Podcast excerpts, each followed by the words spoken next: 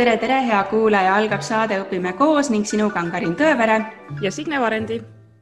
tänases saates alustamegi sarjaga Esimene aasta koolis ja meie külaliseks on seitsmeaastase Pääreni ema Anna Lutter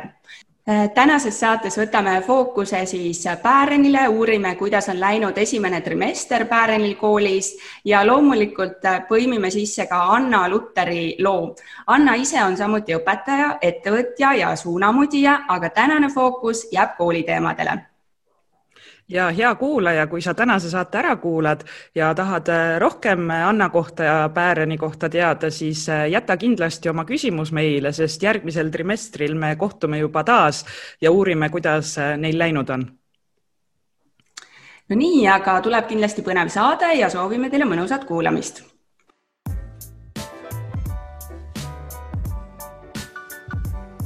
tere, Anna. tere no nüüd sa kuulsid ise ka selle pika sissejuhatuse ära, mis me siin tegime, et aga me tahame ikkagi rohkem teada saada, et milline poiss on Päären, et kuidas sa emana teda kirjeldaksid uh,? Uh, väga keeruline küsimus Enda last tahaks alati kiita, aga tegelikult mul on kõige parem meel näha, et on hästi iseseisev ja et kui tal nagu tekib näiteks äh, mingi probleem või mina ei vasta, kuna nagu ma olen ka õpetaja ja siis ma ei saa kogu aeg tunnis telefonile vastata ja näiteks ükskord ta tuli koju peale tunde, ta pidi vahetama, me elame kooli lähedal, nii et ta käib alati nagu kodus enne trenne ja ta pidi vahetama niimoodi riided ära, aga ta ei saanud oma triiksärgi nagu nööpi lahti ja siis ta läks lihtsalt naabri, nagu oli mulle helistanud, vaata, mis ma nüüd teen, aga mina ei vastanud. Ja siis ta lihtsalt koputas naabri uksele, kas ta saaks aidata tal selle särgi seljast ära. Ja siis ta läks trenni, nii et ta nagu ei visanud nagu püssi põõsasse ja jäänud nagu koju nukrutsema, et ma ei saa trennis, ma ei saa särki ära, vaid ta leidis nagu mingi lahenduse. Ja võib-olla see nagu iseloomustabki teda kõige paremini, et ta leiab mõnikord küll mitte kõige kiiduväärsemad lahendused, aga, aga ta leiab mingi lahenduse ja alati proovib kuidagi ära teha need asjad ja ta on alati hästi selline õpihimuline või selline uudishimulik, et ta tahab kogu aeg teada, mis kuidagi käib, et tahab proovida uusi asju. Ja ma näen, et äh, ta, teda väga kõnetab hetkel rahateemad, et äh, kuna mina ka tegelen ettevõtlusega ja ma olen teda kaasanud äh, et nagu selgitada, mis see raha on ja kuidas seda koguda, siis ta praegu on niisugune ärimehe vaist on ka temas niimoodi tärganud, tärganud vaikselt väga äge, aga sul on lisaks Päärenile on sul veel noorem poeg ka, et äh, mis tema nimi on ja kuidas tema Päärenit iseloomustaks ja on nad erinevad? Äh, Pelle on noorema poja nimi ja ta on nüüd äh, neli ja pool ja ta käib lasteaias. Nad on hästi-hästi erinevad. Pelle on nagu pigem sihuke rahulik ja ta võib nagu üksinda hästi kaua praegu ka ta üksinda teises toas mängib, äh, mängida ja keskenduda, aga Päären on pigem selline sotsiaalne ja ta tahab kogu aeg äh, näha kõiki. tegelikult, kui Päären sündis, siis minul oli veel ülikool pooleli, nii ma käisin nagu beebiga loengus, mulle tundus nagu väga normaalne see sellel hetkel äh,. kuigi ma praegu mõtlen ka, et mingi või ütlen kellelegi, on mingi, mis asja nagu Tallinna Ülikoolis käisid beebiga, mingi ja et siis see tundus nagu üliokei okay,, sest et nagu kuhu ma panen ta siis vaata, et mul on vaja ju loengusse minna, kuhu mul seda panna on ja, ja ma käisin nagu igal pool äh, temaga, kuigi mulle tundus endale, et ma Pellega käisin ka, aga siis, kuna mul oli teine lapsike ka, siis tõenäoliselt veits vähem. Ja Pelle oli alguses hästi selline arg ja nagu üldse ta ei jäänud kellegagi kuhugi ja tahtis nagu kogu aeg ainult meie läheduses olla. et ta on nagu täiesti, kas tuleb kohe peal siia, täiesti teist, teist tüüpi ja nagu äh, Pääl on hästi sotsiaalne ja tema sihuke vaikselt omaette nagu nokitseja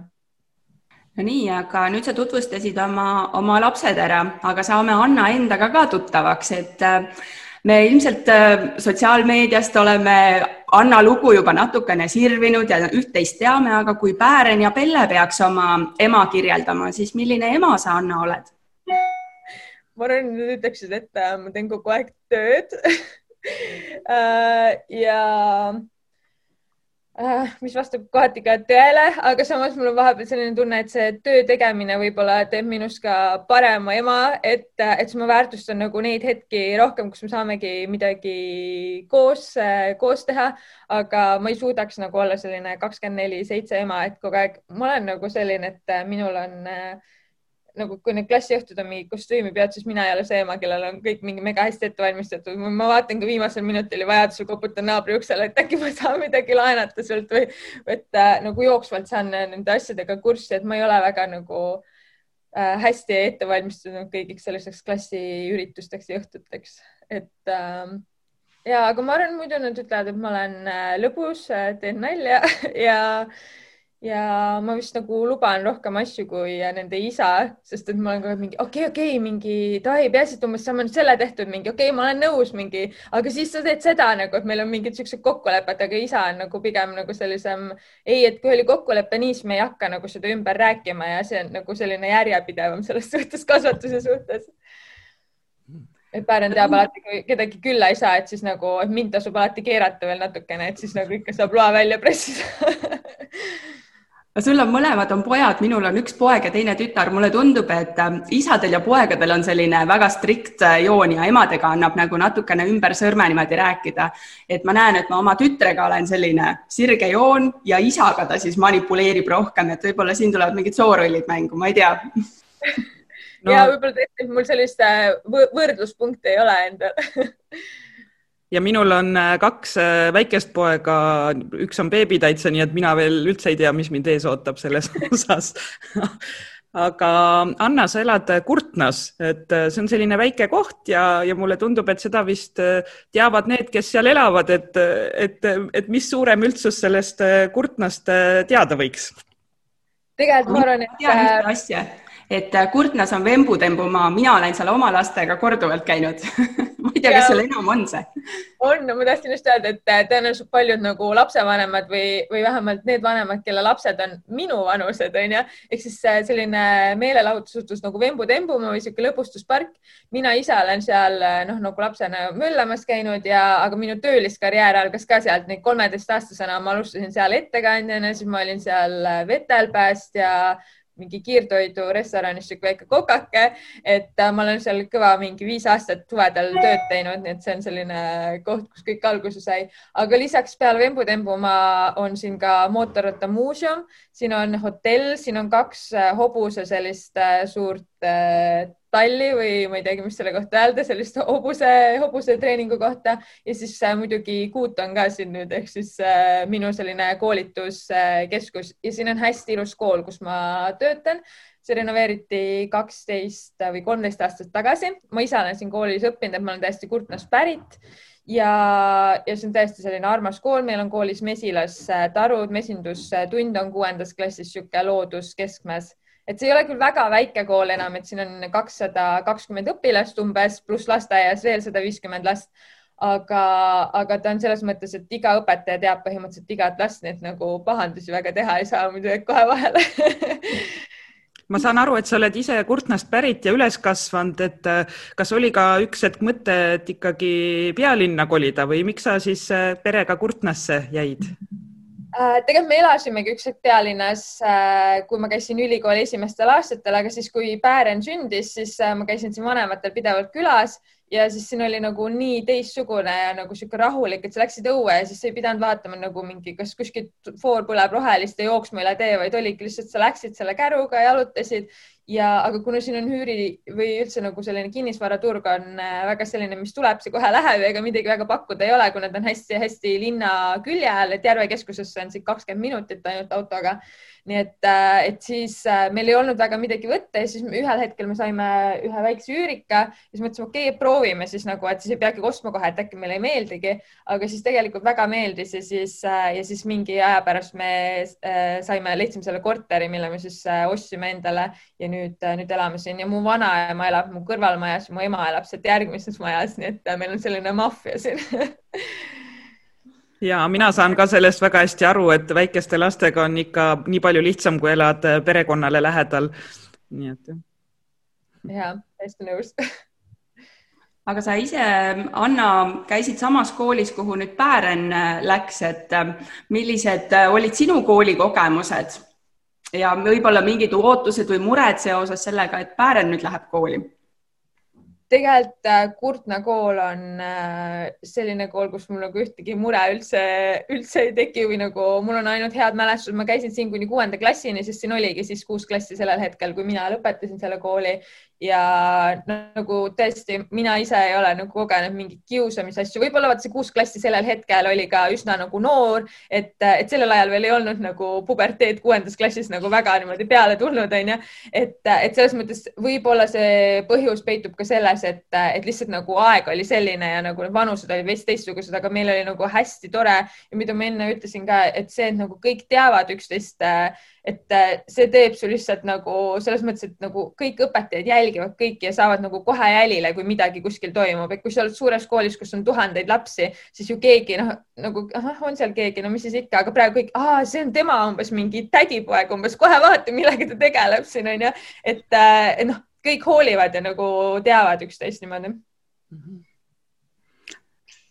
seda ma täitsa tean, et suures koolis tekib see, kui noh, mina olen Veeriku koolist, et kui ma kooli läksin sinna, siis seal oli umbes kolmsada õpilast ja ka kõik tundsid kõiki. aga kui ma koolist ära tulin, siis oli mingisugune seitsesada ja siis hakkas tekkima see, et, et ma olen justkui nagu selline, et keegi mind ei tea, mul on nagu võimalus natukene sahkerdada ja jamasid korraldada, et hakkasid mõned jamad tulema ka, et see on küll õige, et väikses koolis on nagu selliseid jamasid vähem, millega tegeleda aga ometi kooli minek toob kaasa mingisuguseid äh, muutusi pereelus ka, et äh, kuidas teie siis kooliks ette valmistusite? no nagu ma ütlesin, siis ega ma väga suur nagu ettevalmistaja kunagi ei ole, et äh, siis sellega ka pigem noh, nagu mis puudutab sellist sisustust, siis see on mul lihtsalt selline kirg, nii et selline laua, laua ettevalmistamine pigem jess, ma saan tuba ümber kujundada, mitte see, et mingi jaa, ma pean oma lapsele mingi kooliks ettevalmistuse tegema. et äh, ja nagu, aga Päären on hästi selline tegus ja asjalik ja tegelikult ta saab kohe kaheksa, nii et ta on nagu üsna vana sealt äh, klassist ka või nagu, kuna ta äh, sünni, sünniarv on siis aasta lõpus või, või sündis aasta lõpus, et, äh, et siis ma nagu üldse selles mõttes ei muretsenud, et kas ta on kooliküps või veel midagi nagu valmistada. ta küll ei oska siiamaani väga hästi lugeda. ta oskab nagu arvutada kohe, nagu ma rääkisin, et, et see ärimehe vaistundas on ju, et siis ta nagu arvutab kohe mingi, aa, okei okay,, ma teen nagu viis tundi tööd, nii, see tähendab nagu nii palju, nii, kui, kui ma teeksin ühe tunni veel, siis see tähendaks nii palju, äkki teeksime, noh, et on nagu arvutused ja sellised asjad tulevad hästi kiiresti, aga see lugemine ei tule veel väga. Nagu midagi nüüd tuleb, aga me terve selle eriolukorra aja nagu proovisime iga päev siis nagu natuke suruda teda, aga siis ma mõtles, siis see nagu aitas tegelikult kaasa küll, aga kuna mulle hakkaski tunduma, et see juba muutub tal hästi vastumeelseks, siis me otsustasime terve suve nagu lihtsalt pausi võtta, et nagu mitte suruda, et kui ta tahab midagi, mängime mingi monopoli või midagi, kui ta tahab nendelt kaartidelt ise lugeda, et siis nagu niimoodi mänguhoos, aga enam mitte süsteemselt nagu tegeleda sellega, et ta saakski võib-olla siis suvel nagu puhata ja siis koolis nagu õpetaja läheneb võib-olla natuke teise nurga alt ja siis saab mingi veel mingi nõksu kätte ja tegelikult äh, nüüd ma näen küll, et tal juba läheb see vaikselt ja kindlasti see ka, et nagu ülejäänud klassikaaslased võib-olla juba enamus hakkavadki seal lugema ja siis see tekitab tal natuke endal ka sellist entusiasmi, et ja ma pean ka ikkagi nagu proovima või nagu ma ei saa ju teistest halvem olla või selline võistlus, võistlusmoment natuke et äh, ja ega me nagu noh, muidugi rääkisime ka sellest, et ta peab üksi kodus olema ja kindlasti proovisime ka seda, et natuke suvel, et mingi jah, me lähme nüüd korra ära vaata, et nagu mingi saage siin hakkama, aga meil on mingi selline, ma isegi ei mäleta, millal see tuli, nad, Pärn arvab siiamaani, et meil on kodus kaamerad ja nagu, et kui ta mingi pahandus teeb, onju, siis me mingi, no me vaatasime kaamerast järgi, nagu tegelikult ma näen näiteks, et mingi kommikarp on nagu liikunud niimoodi natukene onju, mingi mm,? ma vaatasin kaamerast, vaata, et äh, te olete just kommi käinud võtmas. siis on mingi jaa ja siis see on nagu selline väga-väga tore selline vahepeal, et ütlebki mingi, kuule, kas ma pean hakkama kaamerast vaatama või sa tunnistad üles, mis siin nüüd toimus, vaata siis kõik tuleb nagu päeva, päevavalgele. et, äh, et kohati ta on natukene ikkagi sihuke lapsemeelne ka, et nagu jääb siukseid asju uskuma, aga, aga see, ma arvan ka nagu on selline väike sihuke kontrollmeetod, et ta kogu aeg teab, et me tegelikult jälgime ja alguses, kui me harjutama hakkasime, siis me käisimegi näiteks Algoga jalutamas ja meil oli nagu, jätsime kõne lahti, et siis me kuulsime, mis nad nagu arutasid siin omavahel, noh, kui nad kahekesi kodus olid ja siis olime siin kuskil ümber nagu spordirajal ja siis äh, tegelikult kuulsime nagu, millega nad tegelevad. aga see on üsna nagu uskumatu, et äh, et noh, kui need no, poisid ikka nagu kaklevad omavahel tegelikult päris palju, kui me kodus oleme, aga kui nad kahekesi on, siis neil nagu tekib vist hoopis teine selline vastutusmoment kuidagi, et, äh, et siis üldse nagu sellist kaklemist või kraaklemist ei ole, vaid nad nagu arutavad omavahel. vähemalt sellel hetkel, kui meie nüüd telefoniga nagu pealt kuulasime, noh, nad teadsid, et see kõne on lahti, aga neil ei tekkinud üldse selliseid olukordi, mis meil muidu nagu hästi palju sellist pahameelt kodus tekitavad, et nad omavahel kaklevad asjade pärast ja niimoodi mm. -hmm selle kraaklemise koha pealt ma oskan ka öelda, et, et minul on teismelised ja, ja mulle, ma olen täpselt samamoodi tähele pannud, et kui nad kahekesi kodus on, siis nad justkui võtavad nagu niisuguse ema ja isa rolli üle, et nagu tütar hakkab kuidagi koristama, süüa tegema ja noh, nagu niisugune noh, ja siis, kui ma küsin, et kuidas sa selle või teise lahti saad, venna aitas ja noh, nagu selline ma ei tea, võib-olla kui me kodus oleme vanematena, et siis meid on liiga palju seal ja me ise nagu kuidagi võtame mingid rollid ära ja ei lase neil olla vabana või ma ei tea, mis see on, aga mul on sama tähelepanek. no mina näen no, oma laste pealt seda, et mul on siis äh, neljakuune ja kaheaastane, et noh, samamoodi, kui ma jätan nad tuppa üksinda mingiks hetkeks, käin niimoodi piilun, et vaatan, mis nad teevad, no siis on sama, no kõige armsamad hetked üldse, paitatakse beebit ja, ja räägitakse juttu temaga. Ja nii kui mina tuppa sisenen, nii tuleb mingisugune esinemisvajadus, see tähelepanu on vaja just nüüd endale saada ema käest, et, et siis läheb nagu selliseks natukene jah, armukadetsemiseks, et, et ma näen ka juba seda sellist käitumist aga ma tahtsin küsida selle kohta, et kas Päären käis ka äh, eelkoolis, kas Kurtna kool äh, pakub üldse eelkooli lastele või läks ta siis otse lasteaiast esimesse klassi? Kurtnas isegi ei ole eelkooli ja, ja me nagu isegi kordagi ei mõelnud ka sellele, kuna meil on üsna tugev selline hariduspakett seal lasteaias, neil on mingid ringid ja asjad ja tegevused, et siis me ei näinud nagu üldse, üldse vajadust selle jaoks Mhm. Aga ma tean, et osad tema klassiõed ja vennad käisid linnas vist nagu, ma ei tea, kas nad siis tegid katsed ka kuhugi või, või, või tahtsid lihtsalt nagu panna, et seal oli rohkem just tüdrukuid, keda ma nägin, et käisid, et võib-olla nad ongi juba arengult natuke niimoodi, tahtsidki lasteaia kõrvalt midagi veel, veel teha, aga Päärenil me küll ei tajunud nagu sellist hetke, et ta tahaks nüüd minna õppima kuhugi. Mm. -hmm eelkool on ka hea võimalus tutvuda õpetajatega, tulevaste klassijuhatajatega siis, et äh, kuidas äh, teil see tutvumine läks, siin äh, oli koroona vahepeal, kas üldse oli võimalus kohtuda või oli esimesel septembril Tere õpetaja? ja tegelikult Kurtna koolis on selline sari küll, et kooli kogu perega mis siis muidu leiab aset iga kuu ühel pühapäeval ja siis ongi niimoodi, et kogu perega tullakse siis äh, kooli ja siis vanematel on mingi psühholoogi koolitus, kooliõe koolitus, mingid sellised nagu teabetunnid ja siis äh, nende lastega tegelevad siis nende tulevane klassijuhataja ja siis veel mõned aineõpetaja, muusikaõpetaja, kunsti, kes noh, kes selle eraldi nagu annab, et siis lapsed saavad korra, korra neid näha, aga tõepoolest, et see, me jõudsime vist teha kaks korda, kui ma nüüd õigesti mäletan ja siis koroona tuli peale ja siis see nagu sinna, sinna paika jäi. aga nad jõudsid seal ühe korra oma õpetaja ära, ära näha seal, et äh, ja noh, Päären nagunii nagu teadis ka juba, et ta on minuga tööl kaasas käinud, nii et, äh, et ta on näinud oma õpetajat ja nagu tundis, tundis teda varem ka sa ennem mainisid ka, et äh, Päären käib trennis, et mis trennides ta käib äh,? No alguses ma mõtlesin mingi, issand, mina küll ei hakka see ema olema, kes nagu surub talle mingi graafiku nii täis, vaata, et nagu laps peab mingi balletis ja laulmises ja pillimängus kõiges käima äh, ja siis me mõtlesime ka algul, et jääme siis nagu jalgpalli peale, mis talle nagu väga meeldib ja mis siin Kurtes on selline ja siis uh, ujumise peale uh,. ujumine on, kusjuures toimub mitte siin Kurtes, jalgpall toimub kohe siinsamas, aga ujumine toimub Sakus, nüüd ta peab alguses bussiga minema sinna ja pärast isa läheb talle järgi Äh, aga siis ma ühel hetkel panin tähele seda, et ta tuleb koju ja siis ta hakkab telekat passima lihtsalt nagu. Ja siis äh, mõtlesin, et ei, et äh, tegelikult see ei ole ka väga okei okay,, kuna ta ei jää siin teleka ees magama ka, et siis tundub, et tal energiat tegelikult jätkub ja ta lihtsalt nagu lööb oma aega surnuks, midagi õppida ka ei ole nagu ja, ja siis ta lihtsalt kasutab seda võimalust nagu ära, et saab siin lösutada ja siis ma küsisin ta käest, et kas ta tahaks äh, veel minna mõnda, mõnda trenni. Ja siis ta ise ütles mulle või ma ütlesin, et sul on nagu päev aega mõelda, et ma õhtul küsin uuesti, et mõtle, kas sa tahaksid midagi teha. Ja siis, äh, siis ta ütleski umbes, et mingi jah, muidu ma passin lihtsalt telkut nagu, aga see väljend, okei okay,, me oleme vist ise liiga palju seda väljendit kasutanud umbes, et noh, mis passid siin jälle seda telkut. Ja, ja siis ta otsustaski, et ta läheb veel sportmängude ringi ka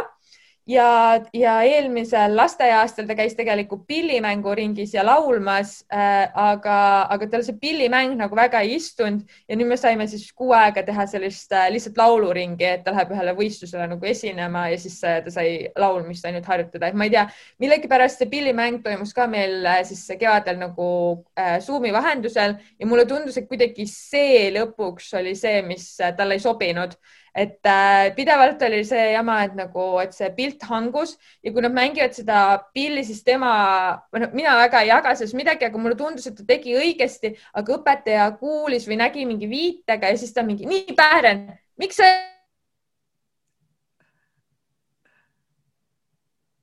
aga kui ta ei kuule, vot et see nagu niimoodi ajas teda nagu pahaseks või kurvaks, et tema püüdis ja tegi õigesti, aga siis nagu see tehnikatõrge oli nii suur, et, äh, et siis tal vist jäi nagu selline natuke halb äh, maik sellest pillimängust. Ja siis sellepärast me see aasta nagu loobusime Pääreni soovil sellest äh, pillimängust. ma tean, et ka ma ise tegelikult mängisin, läksin seitsmendas klassis flööti õppima. Nagu ma olen plokkflööti niimoodi algklassidest õppinud, aga siis ma läksin muusikakooli seitsmendast klassist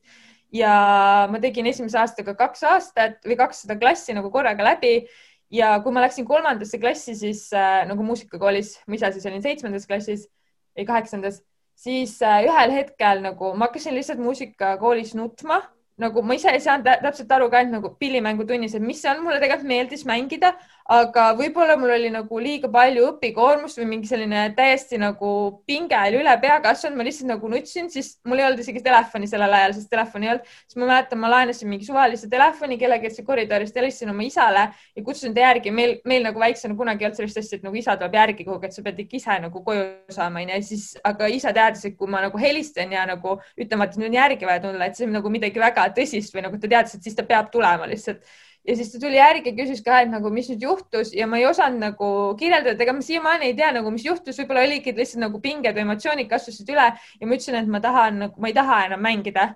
ja siis äh, vanemad olid ka nagu mingid, ah, et mis me teeme siis on ju, et nagu, et äh, nad täiega kartsid, et ma hakkan neid tulevikus süüdistama, et nagu, et nad äh, lasid mul nii kergelt loob või noh, et nagu, et nagu, et ikka teenager võib öelda mingi, ma ei taha mängida, onju, mingi mõttetu. et ja siis ma mäletan ülihästi, et me tegime kokkuleppe ja et ma ei tohi neid tulevikus hakata süüdistama, et nagu, et nad ei, või noh, et see minu otsus onju ja et meie kokkulepe on see, et nagu nemad on üritanud nagu mind, nad ütlesid, et võtame pausi, vaata, teeme mingi kuu aega, see ei käi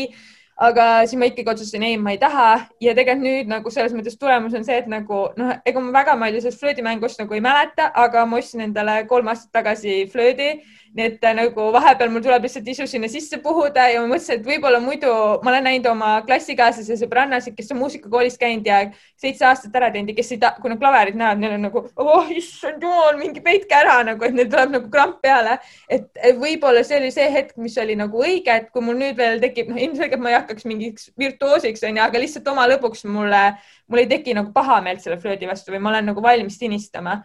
ja, ja siis ma mõtlesin nagu sama, et äkki see oli see olukord, äh, kus äh, me ei sunni teda nagu minema, et kui ta ise ütleb, et ta ei taha, et sai veits sellise halva kogemuse ja me proovime seda nagu unustada, et siis tal võib-olla tekib näiteks ka mingi kuuendas klassis isu, et ja ma proovin muusikakooli minna või midagi sellist, aga ma ei tea, et võib-olla see oli jälle vale, et võib-olla ma oleks pidanud just veits push ima, et nagu ma mõtlesin küll selle peale, aga ma ei tea, kas ma tegin õige otsuse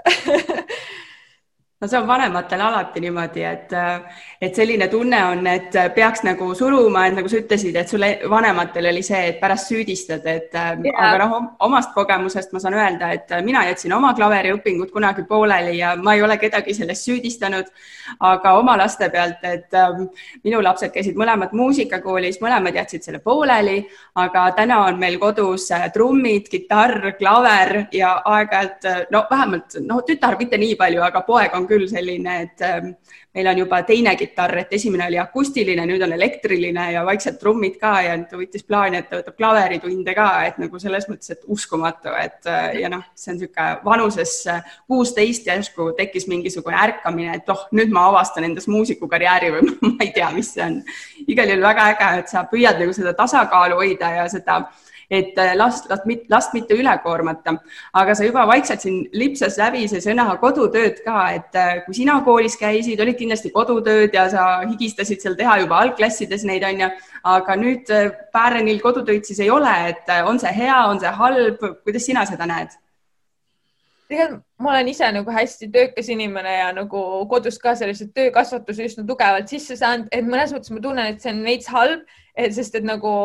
praegu neil ongi nagu nii palju vaba aega ja nad lihtsalt nagu löövad seda surnuks ja mulle tundub, et selline väike treening või nagu, et sa juba alustad nagu seda, et ja, et mul on mingi rutiin ja ma oskan õppida või see õppima õppimine, et see võtab tegelikult nii kaua, et mida väiksemast äh, saadik me alustame seda, et seda nagu lihtsamini ta omandab seda. et võib-olla ma veits ootaks, et olekski mingi luuletust pähe õppida näiteks, mis nagu mälu treenib, onju, et ega nad ei saa seal koolis nagu ju tegeleda individuaalselt, et siin ma saaksin aidata nagu, et kuidas mina näiteks mingeid asju meelde jätan, mingid süsteemid, asjad asjad ja ma saaksin neid seletada, aga samas nagu Pärenil jälle puudub motivatsioon, kui ma ütlen mingi ja see on nüüd mingi lisaülesanne, mille ma välja mõtlesin ja mingi lihtsalt teeme siin, et ülejäänud mingi on seal õues lehvitavad akna taga talle ja siis me mingi ja õpime lippe pähe onju. et aga kui õpetaja mingi teekski näiteks mingi võistluse umbes või mingi, davai, et proovime, kui palju keegi mingeid lippe pähe õpib ja siis koduses nagu saab kaasa aidata mingite värvide õppimisel. et nagu minu meelest selline mälutreening on alati nagu ülihea ja ma võiks ise ka seda rohkem nagu harjutada ja nagu teha, sest see nagu reaalselt aitab, noh nagu, nagu kehatreening on ju, et mida rohkem me treenime, mida väiksemast saadik meil on see kogemus, et me teeme trenni ja et see on nagu äge ja lõbus, et siis see aitab tegelikult äh, hästi palju sellele tulevasele elustiilile kaasa, et see, et see, et sul ei teki nagu kolmekümne viieselt mingi issand, et peaks trenni tegema, kuidas see käib, et ei teagi täpselt nagu nii, aga me võiks minna natukene siis rohkem selle esimese trimestri juurde, et äh, mis siis seal esimesel trimestril äh, koolis fookuseks oli Päärenil ja, ja kuidas, kuidas tal läks, et äh, see ei ole veel küll täitsa läbi saanud, aga, aga algus on tehtud no tema jaoks kindlasti kõige suurem sündmus oli siin paar päeva tagasi, kui toimus klassiõhtu ehk siis ta oli ikka nagu väga elevil sellest juba nagu mitu päeva enne. ja, ja üks asi veel, mis, mis ma näen, et, et talle väga meeldib, ongi tegelikult see, et saab nagu üksi kodus olla ja oma nagu aega nagu planeerida. et need, mul on niimoodi, et ma ei ole iga päev koolis ja mõni päev ma teen kodukontorit ja siis, äh, kui ta tuleb koju ja ta näeb, et ma olen kodus, ta mingi ah,, mis asja, miks sa kodus oled, ma tahtsin üksi kodus olla. Nagu et no ma, ma, ma mõtlesin mingi, mida sa siis tahad siin teha või nagu mingi, et miks mina siin olla siis või et äh, aga, aga ma näen, et ta tunneb ennast nagu hästi tähtsana või nagu suurena, et ta saab ise nagu läheb ja võtab oma asjad ja võib-olla üks selline naljakas olukord, äh, tal nagu selliseid keerukaid olukordi koolis ei ole olnud või nagu ma küsin, kuidas läheb, siis ta ütleb alati hästi, mis te õppisite, siis ta nagu äh, räägib ja näitab ja mingi matemaatilised ülesanded on tal alati hästi nagu hingelähedased ja räägib suure entusiasmiga nendest. Aga üks päev naaber ütles mingi, issand, mis Päärenil koolis juhtus, et ta mingi ütles Lisandrale trepikojas, kes ka meie nagu lastelaps elab, mingi ära mitte kunagi kooli mine ja mingi hakkas nutma. siis ma mingi, ma ei tea, ma rääkisin temaga enne, et ma nägin, et mulle ta ütles, et ta läks jumala hästi koolis, et ma ei tea. ja siis mingi õhtul lähen küsin siis, et nagu, mis siis juhtus, vaata, et nagu, et äh, tädi Kai rääkis, et sa nagu nutsid seal ja ütlesid Lisandrile niimoodi. ja siis äh, selgus äh, see, et äh, tal oli vaja võtta koolikott, jope ja dressikott ja need olid nii rasked, et nagu ära mitte kunagi kooli mine, sest sa pead nii palju asju tassima. Ehk siis, äh, ehk siis mulle tundubki, et nagu teda ärritavad nagu, et ta ei ole veel täpselt aru saanud, et see õppimine ilmselt on suhteliselt lihtne praegu tema jaoks olnud, et ei olegi mingit kodutöid ja nagu vaevanägemist pidanud olema äh, või noh, vaeva pidanud nägema ja siis teda ärritavadki nagu sellised, äh, mis meile täiskasvanud tunduvad nagu, et kullakene, et see on ju kõige kergem probleem, see koolikott on ju, aga et, et see vorm nagu võtab praegu nii palju tähelepanu, et ma arvan, et ta ei olegi veel täpselt sellest, noh, et õpetaja ka võib-olla ei olegi selle sisuni jõudnud, et kõik see, et kuidas seal koolis me liigume, kuidas me käsi peseme, kuidas me oma asju ära ei kaota, et see võtab nagu suurema fookuse endale hetkel mm. -hmm sa juba mainisid siin asju ära ei kaota, et kas sul on kõik äh, asjad on nii-öelda sildid, nimed küljes, et igal pliiatsil, igal, ma ei tea, pluusil ja, ja paberil või kuidas teil nende asjadega on? Issand, ma olen põhiklient seal selle leitud ja kaotatud boksis lihtsalt kogu aeg otsin sealt jälle mingi, vaata mingi, meil oli kolm õhukest jopet ja neljandal päeval ei ole enam ühtegi kapist võtta nagu. et äh, ja me oleme püüdnud nagu neid nimesid sisse panna, aga noh, ongi, ega ei jõua tegelikult igale pliiatsile panna onju seda nime ja siis, kui sa alguses selle sildistamise ära teed ja ostad siis mõne uue asja, mida nagu vaja on vahepeal juurde, siis ju ega sa siis enam ei viitsi seda sildimasinat üles otsida onju, et siis see jääb nagu ilma sildita. nii et äh, noh, aga eks ta siis ise õpib, mõned asjad ongi nagu kaduma läinud, ega ma ise ka seal koolis üsna palju vaeva ei ole näinud, et neid üles leida, aga siis ta ongi, et jah, et noh, et ongi kadunud, siis peab leidma mingi halvema dressipluusiga käima või, või mis iganes, et, et siis ta nagu teab või nagu tunneb, mis, mis see tähendab. aga jah, ega võib-olla see äh, teda nagu väga selliseks süsteemsemaks muutunud, muutunud ei ole. Nagu näiteks kui ta tuleb koju, siis ta viskab alati mu koti siia, mis mind nagu väga-väga häirib, sest et nagu ma ütlen, et see on sinu nagu asi, vaata, et sul on koht on ju, et sa ei saa ju visata suvalisse kohta, sa ei leia oma asju pärast ülesse. Ja, ja nagu siiamaani, kuigi ma iga päev nagu ütlen talle seda, et ei, et vaata, et jälle kuidagi läks siia nagu niimoodi jalgu teistele, et ikka, kus see käib? Ah,, jaa, ma unustasin, onju, et äh, noh et, et võib-olla ta, ma ei ma isegi ei tea, kuidas ma peaksin lähenema talle, et ta lõpuks selle koti õigesse kohta või noh, kokkuvõttes asi ei ole selles kotis, vaid, vaid lihtsalt selles probleemis on ju, et ta peaks teadma, et asjadel on oma koht ja me ei viska nagu kõige mugavamasse kohta neid niimoodi, kuhu saab parasjagu sokutada, vaid see, et, et ta peab vaeva nägema, et oma asju nagu korras hoida ja mingit süsteemi luua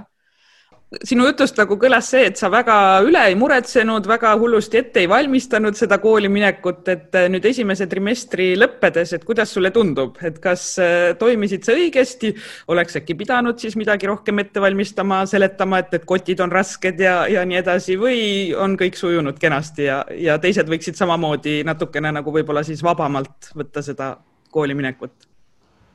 mulle endale tundub, et selles mõttes on kõik ülihästi, et äh, stressi level selle kooli osas on nagu hästi madal ja nagu mingeid pingeid ei ole mingi, et ah, me peame seda ette valmistama või seda tegema ja selleks, et, et selles mõttes mulle tundub, et on kõik äh, läinud väga hästi, aga muidugi äkki kui ma näeksin mõne teise elu, kes on nagu rohkem veel ette valmistanud, siis ma tunneks, et ah, et saaks veel paremini olla. Aga ma ei saa nagu midagi kurta hetkel, aga selline võrdlusmoment jah puudub, et mis oleks, kui ma oleks veel rohkem midagi teinud. -hmm aga läheme selle õpetaja juurde, et äh, milline on sinu jaoks ideaalne õpetaja ah,? ma mäletan, et ma käisin äh, Kurtna koolis, ma käisin, olin Kurtna koolis praktikal ka, äh, kui ma ülikoolis käisin ja siis üks füüsikaõpetaja, ma olin seal tagapingis, istusin ja siis ta seletas just äh, elektri kohta ja ta hüppas niimoodi jalad koos ehk siis nagu tõstis enda jalad niimoodi sinna nagu koos niimoodi nagu ülesse kõhulihaste toel ja hüppas laua peale, selle õppelaua peale, niimoodi jalad koos. Ja mina olin vist ainuke, kes seda nägi, sellepärast et ülejäänud klass nagu rääkis juttu omavahel, siis ta hüppas sinna peale, võttis selle õpetaja laua kohal oleva selle, seal oli nagu üks lamp, mitte see laelamp on ju, vaid nagu veits madalamale toodud selline lamp õpetaja laua kohale ja võttis sealt nagu mingi pirni vaata seest välja, umbes nagu hakkas seda, sellega seal midagi möllama ja ma olin seal taga mingi oh my god, mingi, mis siin toimub, onju. ja siis ülejäänud keegi umbes mingi, võib-olla seal mingi paar õpilast ees nagu olid ka seal mingi okei okay,, nojah, nagu nii tegi, onju. aga mina olin küll nagu hästi hästi nagu positiivselt üllatunud, aga samas ma nägingi, et apteegi õpilastele nagu üldse ei toimi see või nagu, et, et ma võin öelda ja et õpe, õpe või õpetaja peabki olema selline hästi nagu spontaanne või nagu, et toomagi näiteid elust enesest, ta hüppab sinna laua peale, ta võtab näite sealt lambi seest ja siis hakkab rääkima, vaata, kuidas see vool sinna pirni sai, onju. Äh, et mulle tundub see ülihea, aga samas siis ma hakkasin mõtlema seda ka, et ja, et aga sellest ei ole ju kasu kui ta on juba tähelepanu enne nagu nii ära hajutanud, et äh, lihtsalt kaks õpilast sealt teist pingist pluss praktikant nagu märkavad seda. Ja, ja selles mõttes ma arvangi, et nagu kui ma alguses võib-olla, kui ma läksin kooli, ma olin vist kahekümne ühe aastane ja ma täpselt ei saanudki aru, et äh, kas ma tahan olla nagu nende sõber, nagu sihuke äge vaata õpetaja onju, või siis ma tahan olla nagu ikkagi mingi selline autoriteet või siis midagi selle kahe vahepealset, et ma ei teadnud nagu ja ma olin ise iga tund umbes alustasin erinevalt mingi tere, alustame, tõuseme kõik püsti ja siis mingi okei okay,, jõu, kuulge, ärge istuge, vaata mingi chill, lähme edasi onju. et ma olin nagu kogu aeg mingi, et aa, ma ei tea, mida ma teen ja ma ei tea, mis on õige ja ma ei tea, mida ma tahan või nagu ma saan aru, et ei olegi õiget ja valet vastust, aga ma ei teadnud isegi, mida ma tahan aga, aga täna ma olen aru saanud äh, küll, et ma, mulle ei meeldi selline sõbra nagu sõbrasuhet, ma kindlasti ei taha nendega. ma olen veits muidugi vanem ka, et võib-olla siis oligi, et nagu mõni oli kuusteist, ma olin kakskümmend üks ja meil oli nagu mingi vähem vahet kui ülejäänud mu kolleegidega onju. et selles mõttes oligi, ma alguses kartsin õpetajate tuppa rohkem minna, kui nagu klassi ees seista, sest et see tundus palju hirmsam nagu aga, aga nüüd ma tunnen, et peab olema selline mõnus äh, suhe, mis on nagu tasakaalus, et kus on seda autoriteeti onju, et keegi ei tule mingi joo anna onju, aga samas keegi ei karda mulle öelda, et äh, kuule, et vaata, mul juhtus niisugune asi, et mul oleks vaja rääkida sellest, et kas me saame rääkida, et nagu nad tunnevad ikkagi, et nagu minuga saab rääkida ja nagu võib jagada oma, oma asju, et nad, et nad tunneks sellist, et ja mingi issand, et selle lõpetaja küll midagi ei julge öelda. Ja, ja täna ma ei tea, kas, kui hästi mul see nagu välja tuleb, ma arvan, mõnes klassis paremini, mõnes klassis arve, halvemini ja see klassi dünaamika võib-olla või noh, mulle tundubki, et võtta nagu mingit äh, kindlat rolli, sest see rolli võtmine oleneb hästi palju nendest inimestest, kes seal klassis on. et, äh, et ma võin ju nagu õppida selgeks nagu ühe rolli, kes ma tahan olla aga, aga see ei toimi üldse nagu igas selles, nagu vaata on, on nende stand-up idega ka, et nagu mõnikord publik nagu naerab hulluks, onju, aga teine publik läheb Tartusse, onju, nad ei saa nagu üldse aru, millest sa räägid, onju. et, mulle tundub, et õpetaja, õpetaja selline elukutse on veits sama, et ongi, et, et sa lähed nagu ühte klassi, sa pead ühte nalja tegema, aga teises klassis, kuigi isegi kui nad samaealised onju, noh, rääkimata sellest, et nagu neljandale klassile tundi anda versus üheksandale klassile tundi anda on nagu hoopis nagu Draamateatrist kuhugi no üheksakümmend üheksasse onju või noh, et nagu täiesti täiesti teine, teine nagu ooper. et, et selles mõttes on see hästi nagu huvitav ja, ja nagu kindlalt õpetaja õpingutesse peaks kaasama sellise näitleja meisterlikkuse ka onju, et, et kes sa parasjagu oled siis täitsa nõus, aga kui pikalt sul endal on kooli õpetaja kogemust ja, ja mida sa siis seal koolis õpetad? Äh, no ma alustasingi vist kahekümne ühe aastaselt, kui mul on hästi halb numbri või oli siis kakskümmend kaks, midagi sellist ehk siis nüüd ma olen äh, kaheksa aastat koolis olnud seitse-kaheksa, midagi sellist, aga ma ühe aasta vahepeal olin äh, Pellega kodus siis, aga muidu olen nagu kogu aeg olnud äh, koolis. aga minu võib-olla eripära on see, et mul on küll praegu peaaegu täiskoht, et ma olen klassijuhataja ja ma õpetan käsitöö ja kodunduse tunde, aga kuna meil on selline väike kool, siis äh, muidugi lisaks sellele annan ma ka arvutiõpetust. Ehk siis nagu, et meil ei ole nagu iga eriala või aine jaoks nagu oma õpetajaid võtta, sest et see koormus on lihtsalt niivõrd väike, et ongi, et neid arvutiõpetuse tunde võib-olla on seal kolm-neli tükki nädalas nädalas ja et ükski õpetaja nagu ei taha tulla sellise koormusega nagu kuhugi õpetama. Ja siis, ja siis kuna mulle nagu arvuti endale, noh, ma ei ütle, ma seda väga hästi oskan, onju, aga, aga samas, kui sul on mingi selline kitsas piir, mida sa pead selgeks, selgeks õppinud ja mulle meeldib see arvutisi ja siis ma teen seda ja siis ma olen veel meediaringi juhendaja ka, sest see mulle ka nagu endale väga meeldib ja, ja nagu kuigi see moodustab täiskoha kokku, siis tegelikult ma olen koolis niimoodi, et, et neljapäeval ja reedel nagu pikad täispäevad ja siis äh, teisipäeval kolm tundi, aga esmaspäev ja kolmapäev on mul siis täiesti nagu vabad päevad, et seal ma koolis ei ole ja see võib-olla on üks selline asi, et nagu miks ma nagu koolis veel töötan, onju. et, äh, et nagu tõesti, ma olen täiesti kindel, et kui ma töötaks seal nagu viis päeva nädalas nagu noh, isegi kui mul ei oleks, ma ütlen tegelikult, et äh, neljapäeval see seitse tundi järjest ja reedel kuus tundi järjest, et äh, see on päris raju. et, et pärast on küll niimoodi, et sa pead kindlasti magama, et nagu üldse nagu oma perele nagu tere öelda, sest muidu sa ei taha neid näha et äh, aga, aga nagu ma selles mõttes ei vahetaks seda sellise tsüklilise asja vastu, et nagu mul on oma aeg ja ma saan nagu puhata kuidagi välja ennast ja tegeleda mingite teiste asjadega, nii et ma alati nagu vaatan suure austusega neid õpetajaid, kes seal nagu laovadki viis päeva nädalas, seitse tundi päevas, et äh, vau wow. mis äh, klassile sa klassijuhataja oled? mul on praegu seitsmes klass okei okay,, nii et nad on noh, ikka päris suured ja sellised saavad hakkama, et ma just mõtlen seda, et, et kuidas on, kui õpetaja ei olegi viis päeva, klassijuhataja tähendab, ei olegi viis päeva nädalas koolis olemas, et kaks päeva teda ei olegi, et, et kuidas nagu sa sellega toime tuled või, või õpilased toime tulevad?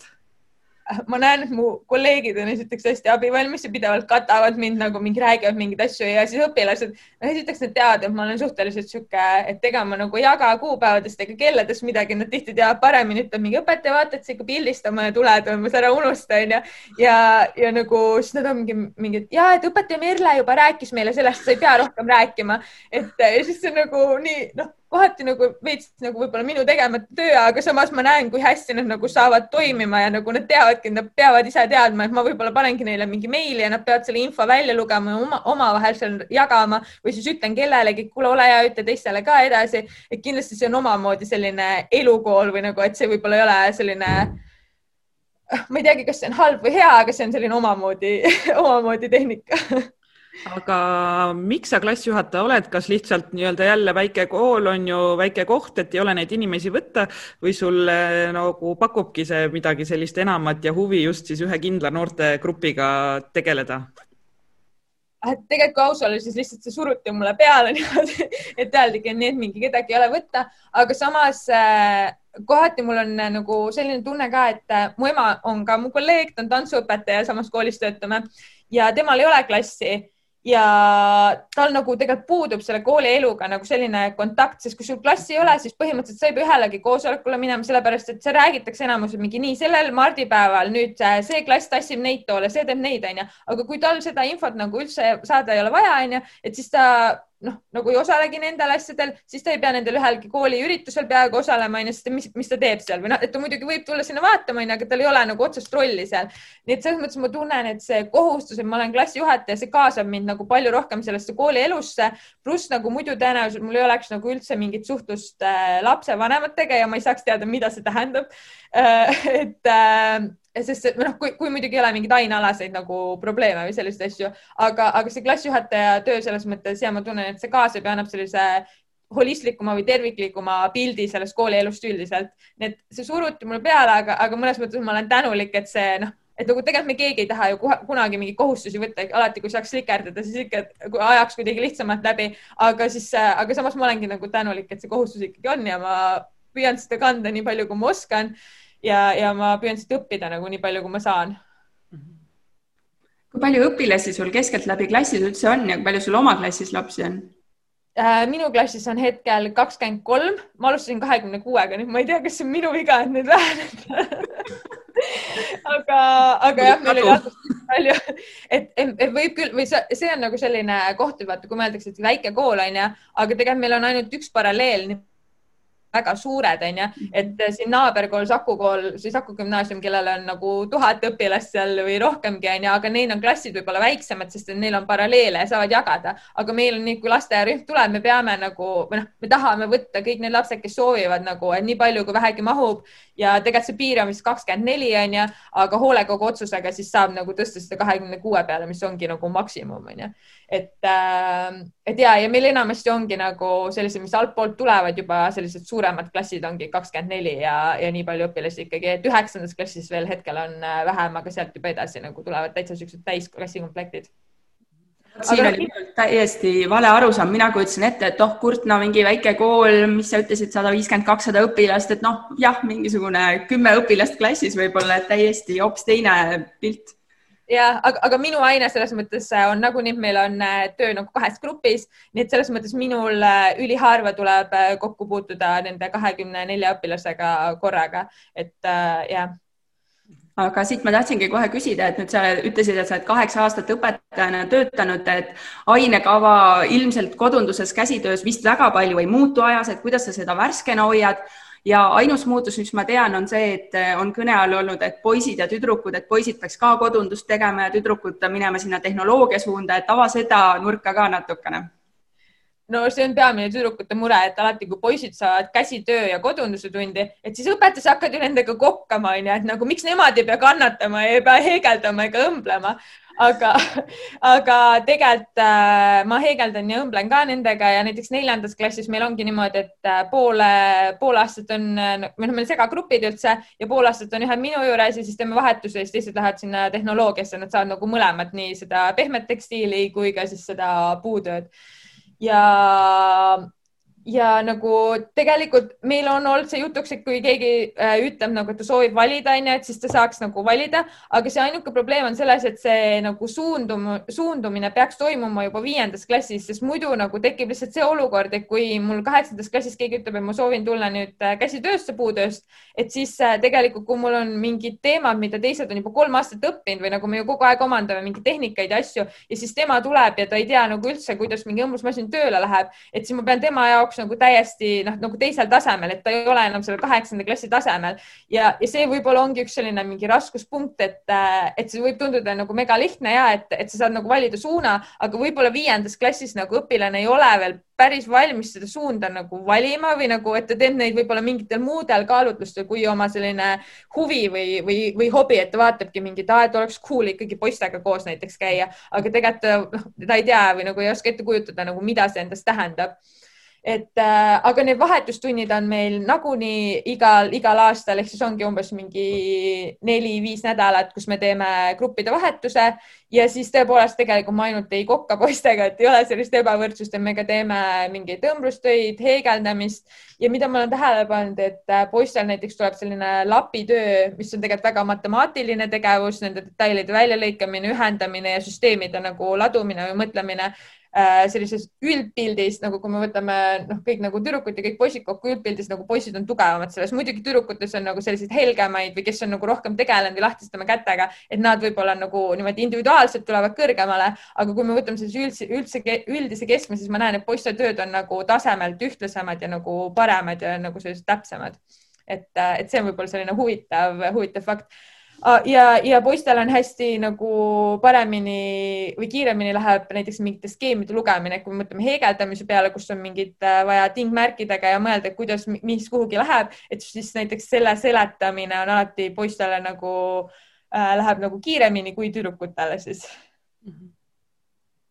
No väga äge, et nagu selline päriselt poisid õmblevad ja teevadki, et äh, mina ei tea, et minu lapsed oleks seda teinud ja, ja oma käsitöötunnist ma mõtlen, et et need olid rohkem niisugused äh, pigem nagu igavad tunnid, sorry minu jaoks, et, äh, et kuidas, kuidas sa ise nagu selle teed nagu õpilaste jaoks põnevaks, kes võib-olla ei ole nii lahtiste kätega ja kuidas sa iseenda jaoks selle põnevaks teed, sest see ju noh,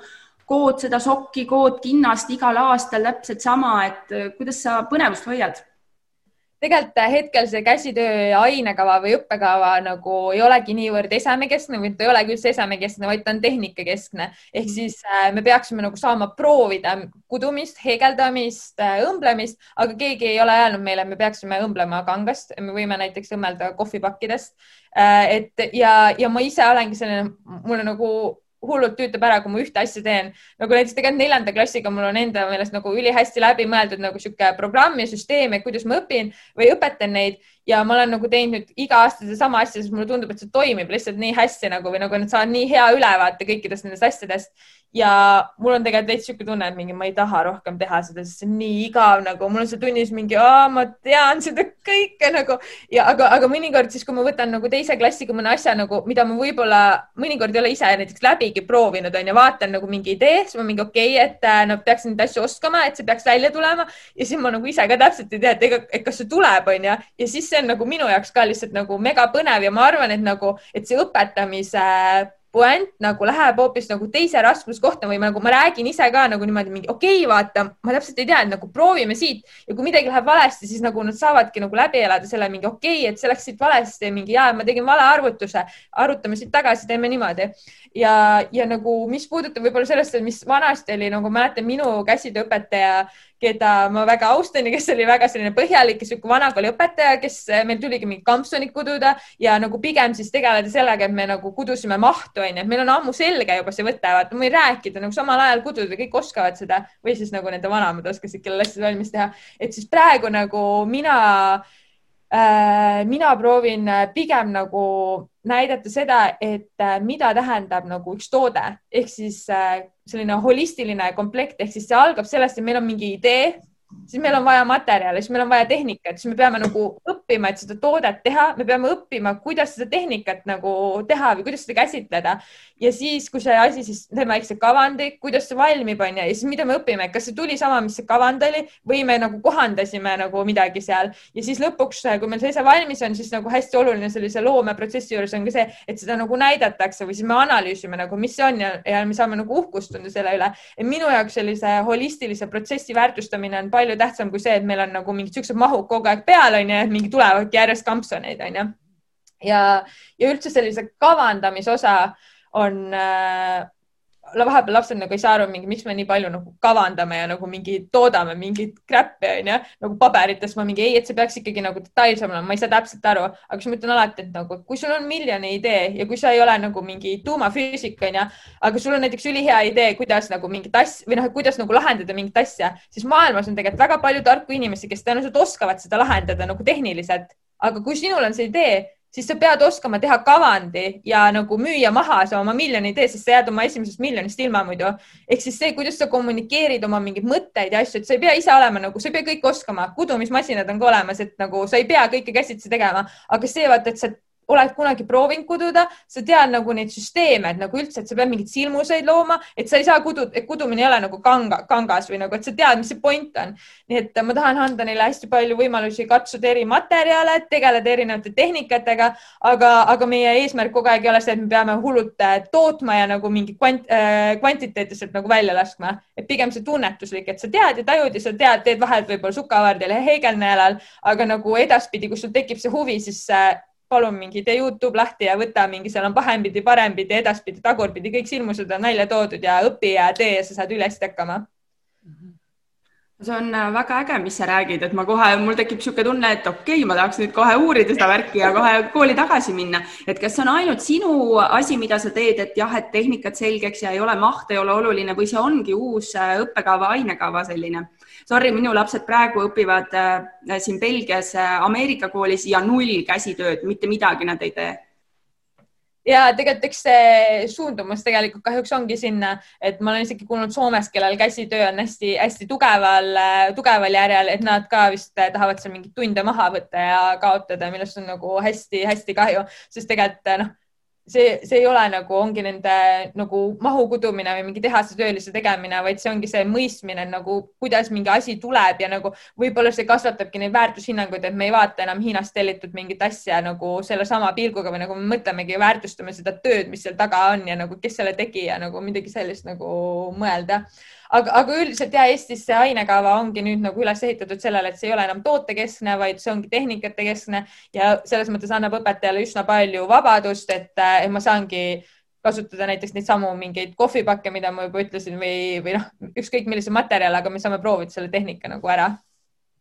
kuivõrd altid äh, on käsitööõpetajad uut äh, asja nagu proovima, et äh, ilmselt sa oled üle Eesti käsitööõpetajatega kokku puutunud, et kas nad pigem on vanas kinni, et noh, meie ajal tegime kampsuni valmis, noh, kuidas me nüüd siis ei tee? ja et, et tegelikult ega need vanakooli õpetajad, kes meil nagu alles on nagu, ma ütlen, ma isegi nagu noh, on muidugi erandeid, vaata, kes on nagu valmis muutuma, kes alati tahavad käia nagu uuendustega kaasas, aga nagu ma saan neist täiesti aru ja nagu, et ma üldse nagu ei, ei, ei suhtu nendesse halvasti, aga ma näengi, et nad nagu ei muutu või nagu, et see, see on nagu võimatu, et pigem ongi see, et nagu, et peaks ootama nagu uue põlvkonna pealekasvu, kes siis nagu ise on juba, et see muutuse algatamine ei saa tulla nagu tegelikult ainekavast, vaid see peab su seest tulema, et sa tahad nagu mingi või nagu, et sa näed ise seda käsitööd teistmoodi. ma olen nagu üsna kindel, et nemad näevadki käsitööd selles nagu tootmise protsessis või nagu, et ma teen mingi perfektse ilma ühegi veata asja valmis. et ja see on nagu täiesti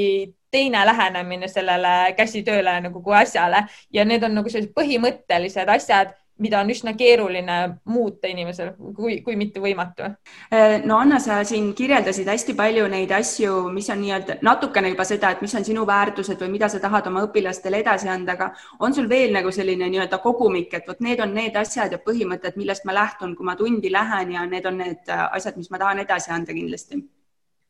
no mul on üleüldiselt nagu üks hästi suur eesmärk, et ma ei taha et äh, kahekümne aasta pärast, mul on see koolituskeskus kuut on ju, ja praegu nagu igas grupis on vähem, vähemalt üks nagu tavaliselt, rohkem, kes siis hakkavad nagu kaasa rääkima, kes mingi oh my god, ma ei ole peale kooli õmblusmasinat puutunud, sest see oli lihtsalt nii hirmus. nagu issand, ah, sul on siin sukavard, oh my god, veida ära, nii paha näha. minu eesmärk on see, et nagu sellist asja mitte kunagi mitte keegi ei tunneks. ehk siis nagu mitte hirmutada inimesi sukavarrastega nagu, pigem ongi see, et sa nagu noh näed, et vaata mõnda, mõndadel ei tule, no ei tulegi. mu õde näiteks ka samamoodi, me oleme ühes toas üles kasvanud, ta on minust alla aasta noorem. Ja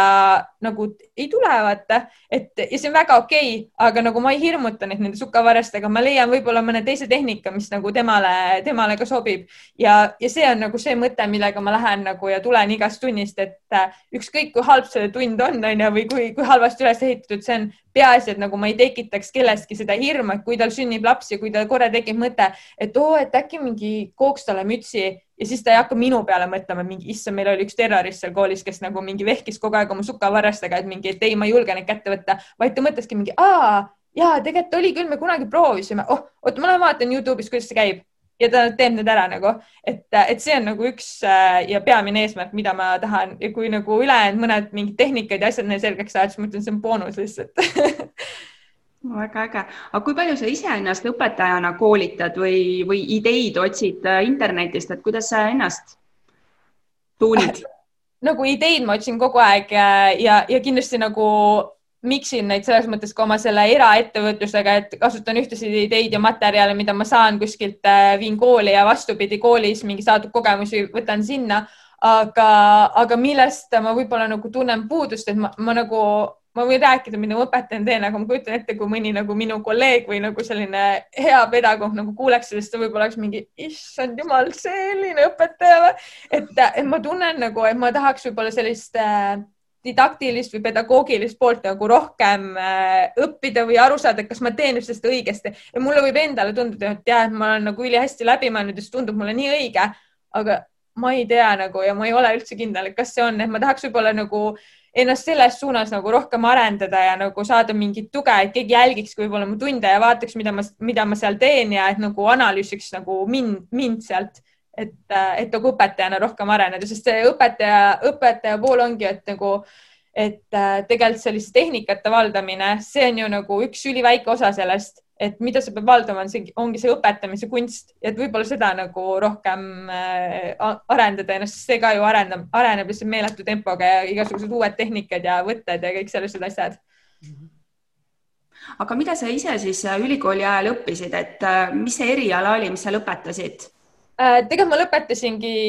magister cum laude käsitöö kodunduse õpetaja, aga nagu mulle tunduski, et see oli, kuna meie õpetajad olid ka üsna vanemaealised ja ta oli üsna palju nagu tähendas siis seda, et meil olid mingi papi peale kleebitud mingid proovilapid ja neid saadeti nagu mööda klassi ringi, mis nagu minu jaoks on mingi ei, ma ei tee mitte kunagi midagi sellist nagu, ma mäletan oma kooliajast nagu mingi, me ei viitsinud üldse neid vaadata, lihtsalt mingi viskasid neid edasi nagu. Ja siis sul tekkiski niisugune tunne, et nagu see kudumine ongi selline ja mu, minu sõbrannad nagu siiamaani arvavadki, et see ongi kudumine. Ja nagu nad ei ole näinud võib-olla, ma näiteks panen peaaegu iga kord, kui ma nagu näitan mingeid inspiratsioonipilte, panen uued kokku, sest mulle tundub juba, et eelmise aasta materjal või nagu disainid, mida ma näitan, et need on juba nii igavad ja vananenud, onju, ma tahan veel midagi ägedamat neile näidata ja näitangi mingi moelavadelt mingeid pilte, vaadake et see on kootud asi, nagu see on lava peal, see on mingi, ma ei tea mm. -hmm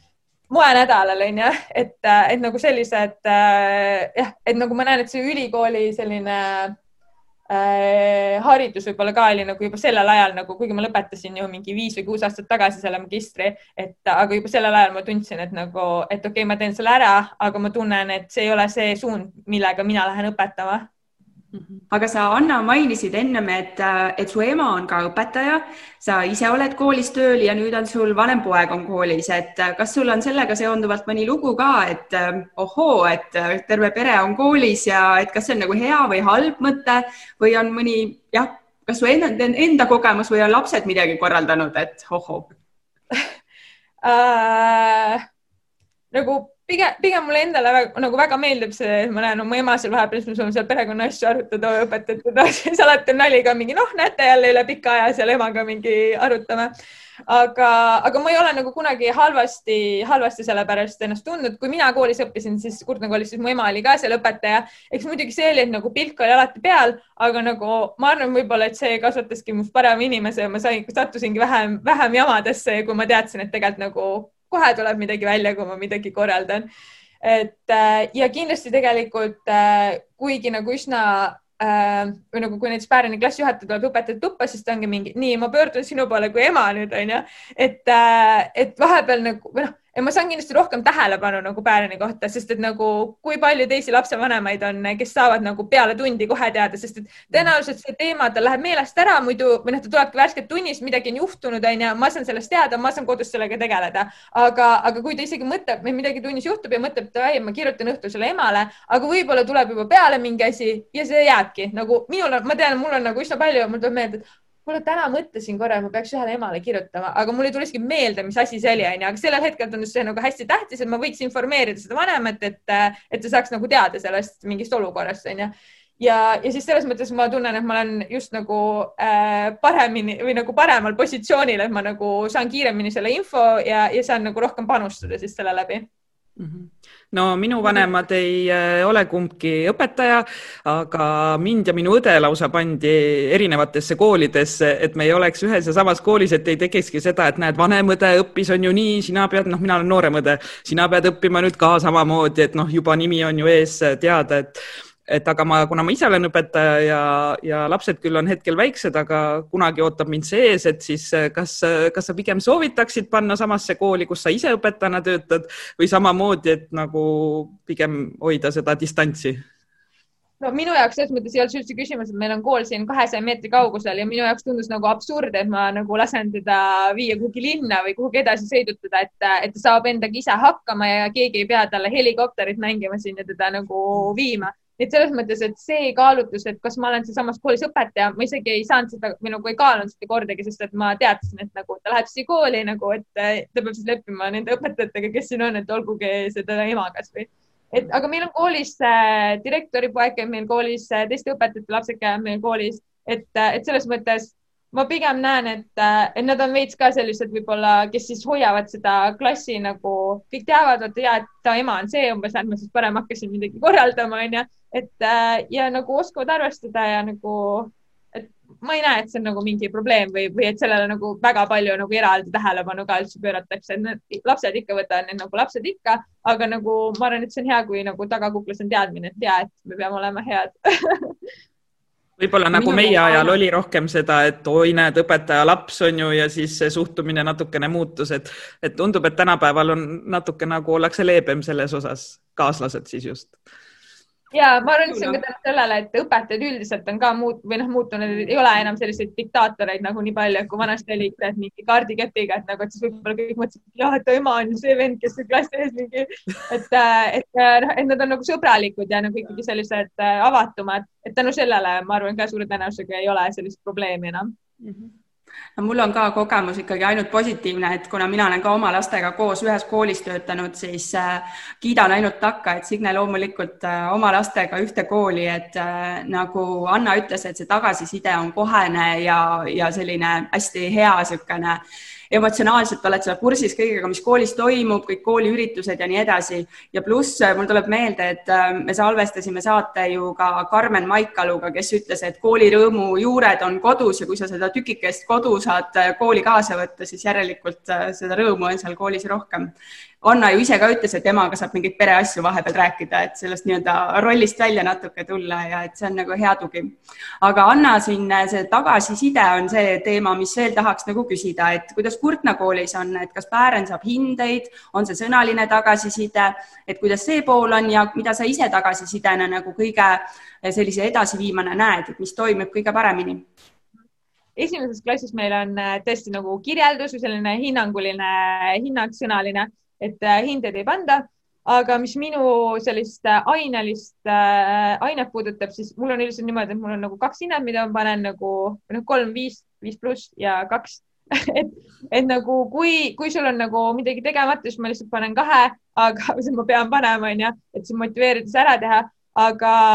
aga kui sul on midagi juba tehtud, siis nagu ma ütlesin, et äh, minu eesmärk ei ole see, et meil kõigil oleks perfektselt kootud ja kui sul mingis ilmus on valesti, et nagu sellest ei ole mitte midagi, et tõesti, et sa said selle kogemuse ja et sa oled proovinud, et ma hindangi pigem seda nagu kehalised õpetajad hindavad seda, et kas sa ületad eel, järgmisel aastal oma eelmise aasta tulemuse, onju, siis ma hindan ka seda, et kas sa pingutad, kas sa näed vaeva, kas sa tahad seda teha ja kui see on kõik hästi, siis nagu ongi viis aga, aga mis sinna juurde, siis ongi hästi oluline see, et nagu me analüüsime ja tihti ongi see, et õpilased tulevad oma tööga ja siis selle asemel, et nagu mina ütleksin, mis hinda nad panevad, nad ise ütlevad, nad on ja siis ongi, et aa, aga nagu okei okay,, see oli keeruline, aga sa said sellest üle, vaata, see asi on valmis, onju. et tegelikult me ei pane isegi tähele, et meil siin alguses läks mingi metsa veits et see on väga okei okay,, et ikka juhtub, see oli su esimene asi, onju, ja siis, kui ta saab selle viie ka veel lõpuks, onju, nii, nii kurb või, või, või rõõmus ei ole, need hinded on tegelikult hästi nagu olulised neile ja selles mõttes, et see kindlasti nagu motiveerib, isegi kui ta näeb, mõtleb, et nagu jaa, mul tulnud see tegelikult ju või nagu ma nägin vaeva ja vussisin sellega ja siis ta saab sellest viie, siis see tegelikult tõstab teda üsna palju või nagu ta tunneb, et jaa, et see tasus ennast ära, et ma ikkagi tegin selle valmis, pagan võtaks, et ma nägin väga palju vaeva mm. -hmm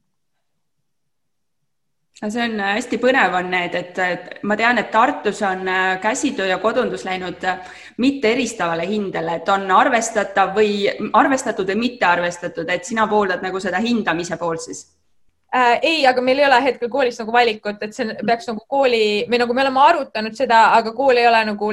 jõudnud otsusele, et nagu kuidas seda teha, et selles mõttes ma kuna ma ütlesingi, mul ongi nagu põhimõtteliselt äh, noh, samamoodi, et tegelikult kas arvestus või mittearvestus on ju viis või kaks on ju, et, et siis tegelikult ma olen, ma olen sellega nõus, aga samas nagu seepool, nagu ma ütlesin ka, et, et mõnda õpilast nagu tõstab nii palju see viis lihtsalt on ju, et see arvestus või mittearvestus on ju, siis mõni võib-olla üldse ei viitsi nagu pingutada või noh, nagu kuidagi, et see, meil on lihtsalt nii sisse jäänud see, et vaata, viis on nagu mingi, et sa tunned ennast nagu ülihästi, aga kui sa juba saad seal mingi, et ah, et mingi okei okay,, oled tubli on ju, et, et siis nagu võib-olla nende tublimate õpilaste tase ka nagu selle võrra langeb, et nad ise ei, ei viitsi nagu pingutada nii palju.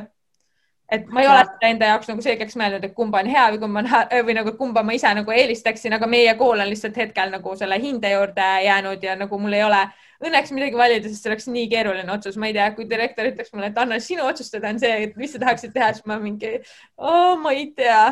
ma ei tea.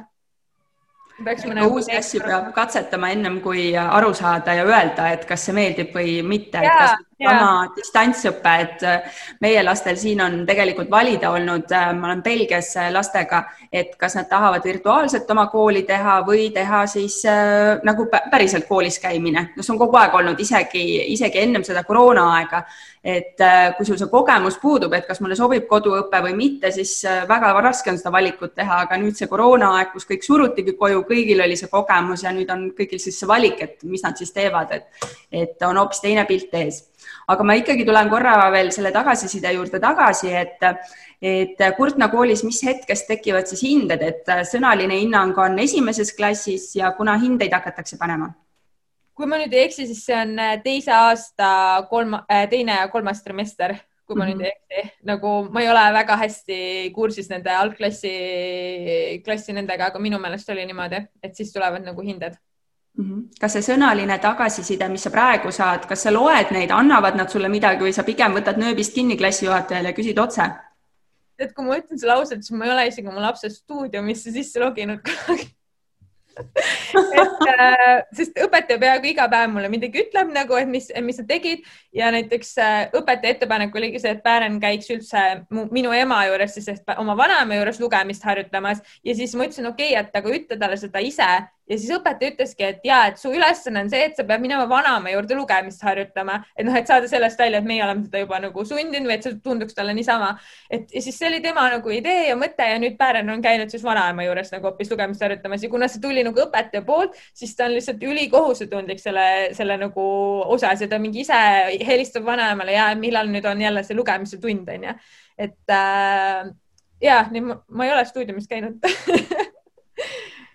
no Anna, mul on hästi hea meel, et Pärenil on tore vanaema, kelle juures ta saab lugemist harjutada ja sul on ka hea ema käest igasuguseid nippe küsida, on ju, tugi omast käest, et kuivõrd äh, vaheajal vanavanemad äh, Päreni elus rolli mängivad ja mis te vaheajal üldse lapsed tegid teil? no nad mängivad väga suurt rolli, nimelt äh, minu ema elab siin jah, kõrvalmajas, aga mu mehe vanemad elavad äh, kõige kaugemas Eesti nurgas, kuhu olla saab, ehk siis Haanjas, Munamäe, Munamäe torni all ja, ja tema ema vist Pärnu teine vanaema on hästi selline nagu maavanaema põhimõtteliselt. Ja suvevaheajal nad olid seal kokku vist viis nädalat nagu mitte järjest, aga selliste paari ja nädala ajasse seanssidena. Ja nüüd äh, neil oli lihtsalt väga suur unistus, et nad saavad sügisvaheajal ka sinna minna. nii et juba reedel nad pakkisid oma kohvrid ja tulid tagasi pühapäeval, nii et äh, mul oli ka vaheaeg nagu, et äh, mina neid vaheajal ei näinudki ja siis nad seal tegelesid, äh, ma sain aru, et nad mingi said pannkookiga hommiksüüa ja sellised asjad. aga sinu enda vaheaeg ah,. Äh, see oli suuresti pühendatud siis kõikide asjade tegemisele, mis olid muidu tegemata, ehk siis lapsi ka ei olnud ja siis ma mõtlesin, et, äh, et ma teen nii palju, kui ma saan ja siis ma saan nagu õhtuti rohkem lastele aega pühendada ja, ja päeviti, et kui mul need mõned suured asjad, mis vajavad rohkem nagu keskendumist, äh, tehtud saavad ja tegelikult oligi nagu hästi-hästi produktiivne ja, ja ma tunnen, et see oli nagu väga vajalik, et kuigi ma tegin palju tööd, aga samas noh, te teate ilmselt ise ka, et kui nagu lapsi ei ole nagu nädalaks ajaks, siis see on tegelikult isegi kui sa teed palju tööd, see tundub nagu mingi megapuhkus lihtsalt onju. et saad ilusti magada ja võib-olla kauem magada ja, ja keegi ei taha vahepeal krõbinaid kuskilt ülevalt kapist kätte saada. et äh, ja, aga see oli väga selline kosutav tegemine kas sa olid äh, hõivatud sellega, et sa tegid äh, oma asju, millest me räägime järgmisel, järgmisel korral, kui me sinuga kohtume või sa pidid tegema ka mingeid äh, ülesandeid koolis? tegelikult mõlemat, meil oli koolis ka kolmapäeval selline arengupäev, kus me siis arutasime äh, sellel korral rääkisime sellest, äh, meil on igal kevadel nagu parimate tunnustamine ehk siis valitakse aasta klass, aasta muusik, sellised tiitlid nagu, aga kuna see süsteem on nagu meil juba suhteliselt vana või nagu teda on juba kaua välja antud, aga igal su äh, kevade hak või suve hakul, siis kui me hakkame neid välja kuulutama, siis meil on mingi, mille alusel me üldse määrame neid või kes need otsustab? Ja siis iga kord mingi ja järgmiseks aastaks nagu mõtleme välja, et mille, mis need nagu kriteeriumid on, et kes see aasta õpilane on siis onju ja siis äh, nüüd me võtsimegi nagu ühe päeva, kus me siis äh, pakkusime välja ideid, mis tunduvad halvad, mis tunduvad äh, nagu head mõtted ja siis me proovisime nagu paika saada, et mille alusel neid nagu rohkem, mitte, mitte nagu nii nagu subjektiivselt neid nagu välja, et, et tundubki, et, et alati on see, et tegelikult ega ei mäletagi, mis siin septembris toimus, kui sa juba maikuus oled, siis tundubki, et see viimane asi, mis tehti, et see oligi kõige parem, onju. et ja siis me töötasime selle, selle kallal koolis näiteks. nii et statuudi töötasite välja? jah väga tublid. no nii, aga ma ei tea, tõmbame siit äh, vist selleks, selleks korraks äh, teemad kokku, et äh, Pääreniga saime tuttavaks ja natukene õpetaja Anna Luteriga ka ja hea kuulaja, siis ähm, nagu me oleme rääkinud, et me ootame sinu küsimusi ka, et Anna siis järgmine kord, kui me kohtume, saab ka sinu küsimustele vastused anda ja ma ei tea, esimene trimester tundus, et teil oli kõik hästi ja hästi tore seal koolis, Anna, et ma loodan, et järgmine trimester tuleb veel ägedam ja siis äh, uurime jälle, et kuidas läheb Päärenil, kuidas läheb sul ja räägime siis ka sinu ettevõtja teekonnast. ja sobib väga hästi ja hea kuulaja, kui sulle meeldis see saade, siis kindlasti like'i ja jaga seda oma sõpradega, oma äh, kolleegidega, et ka nemad kuuleksid siis Anna lugu ja saaksid sellele teekonnale esimene aasta koolis äh, läbi Pääreni äh, kogemuse kaasa elada. aitäh teile ja järgmise korrani. Kuulmiseni kui sinagi said koos meiega täna uusi mõtteid ja inspiratsiooni, siis anna taskuhäälingule hoogu juurde, likei, jaga ja kommenteeri meie postitusi sotsiaalmeediakanalites. kui soovid taskuhäälingut Õpime koos toetada, siis täname sind annetuse eest MTÜ Tartu Loomemaja arveldusarve kontole. kõik vajalikud lingid leiab saate kirjeldusest